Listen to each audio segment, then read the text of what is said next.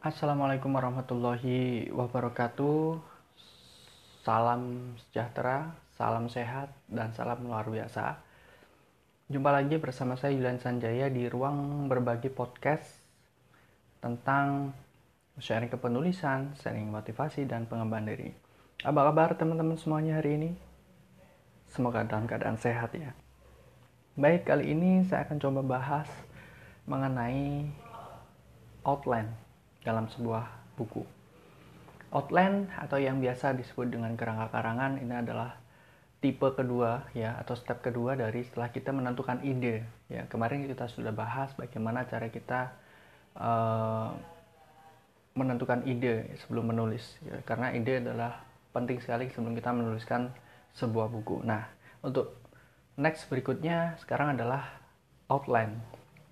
Outline adalah kerangka karangan yang sengaja kita buat untuk membantu kita nantinya ketika kita stuck atau mandek.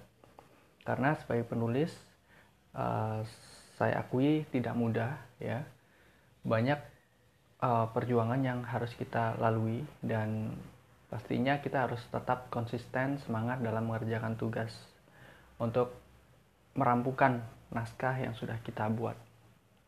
Outline berfungsi sebagai uh, membantu kita ketika kita sedang stuck atau mandek. Nggak ada ide uh, ketika kita bad mood ketika uh, pikiran kita buntu dan lain sebagainya. Intinya mandek. Tidak bisa berpikir apa pun. Tidak tidak bisa menuliskan apa pun.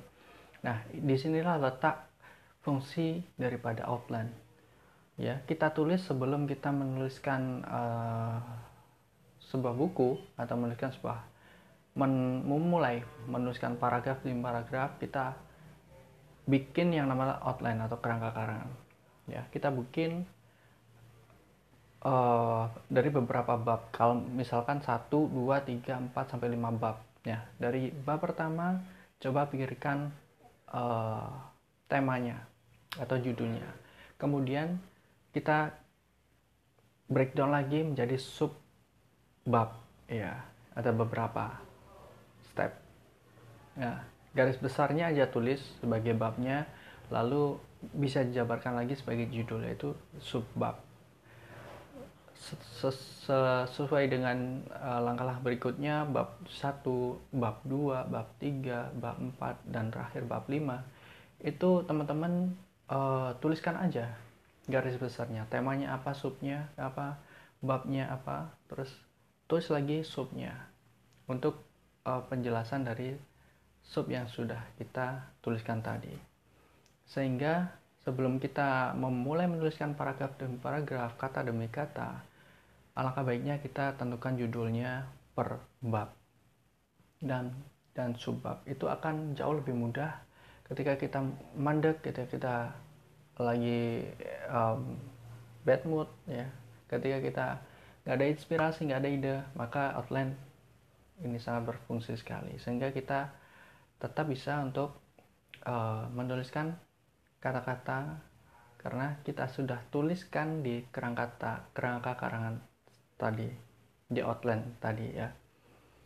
Dan nggak masalah kita pikirkan dahulu outline-nya babnya subnya ya sambil berjalan besoknya kita coba pikirkan lagi sambil jalan kita pikirkan lagi jangan tulis dulu kita fokus pada outline dulu. Setelah outline bab 1 sampai 5 tadi sudah terisi semua, barulah kita menuliskan uh, dari bab-bab yang menurut kita lebih mudah. Itu kita tuliskan dulu. Itu versi saya ya. Ini pengalaman saya saya share. Ketika kita suntuk ya, kita bisa beralih nih ke bab yang awal misalnya, bab pertama. Kita ketika menulis ya di tengah jalan suntuk lagi istirahat dulu kemudian cari bab yang lain. Kita pengen nulis bab yang ini bab 5 misalkan. Silakan bab 5 kita tulis apa. Setelah itu suntuk lagi nggak ada ide lagi buntu istirahat coba lihat lagi outline-nya subnya kalau pingin nulisnya bab 3 ya ini menarik. Nah, bisa kita tuliskan ke bab 3 jadi kita nggak ada alasan untuk mandek nggak nggak ada alasan untuk uh, nggak ada inspirasi. Karena kita sudah dibantu dengan kita membuat outline terlebih dahulu. maka kita akan meneruskan saja. Kalau kita uh, bosan kita bisa pindah ke bab satu. Kita bosan bab dua. Kita bosan bab empat misalkan. Loncat-loncat aja. Yang penting kita nulis aja. Itu trik yang saya pakai selama ini saya menulis sehingga outline sangat membantu saya ketika saya suntuk ya. Biar lambat asal selamat ya. Biar ya agak lama tetapi kita tetap fokus itu jauh lebih baik. Satu persen setiap hari kita menulis adalah jauh lebih baik daripada kita tidak sama sekali. Itu yang menjadi saya panduan saya untuk menulis.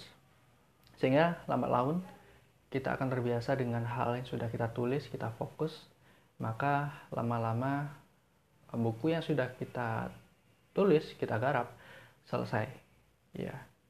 Memang nggak mudah tetapi paksa terbiasa eh paksa bisa lalu terbiasa. Maka suatu saat kita akan lebih mudah untuk mengulangi karena kita sudah mengetahui polanya. Setiap orang punya versi masing-masing setiap orang punya cara untuk uh, menuliskan versi dalam bahasa sendiri mungkin mungkin itu aja teman-teman ya sharing tentang outline dalam menuliskan sebuah buku semoga bermanfaat bisa dicoba dan untuk next saya akan coba bahas tentang hal-hal yang hal lain tentang kita membuat uh, dalam membuat sebuah buku. Sampai jumpa di next podcast di ruang berbagi bersama saya Yulian Sanjaya. Assalamualaikum warahmatullahi wabarakatuh.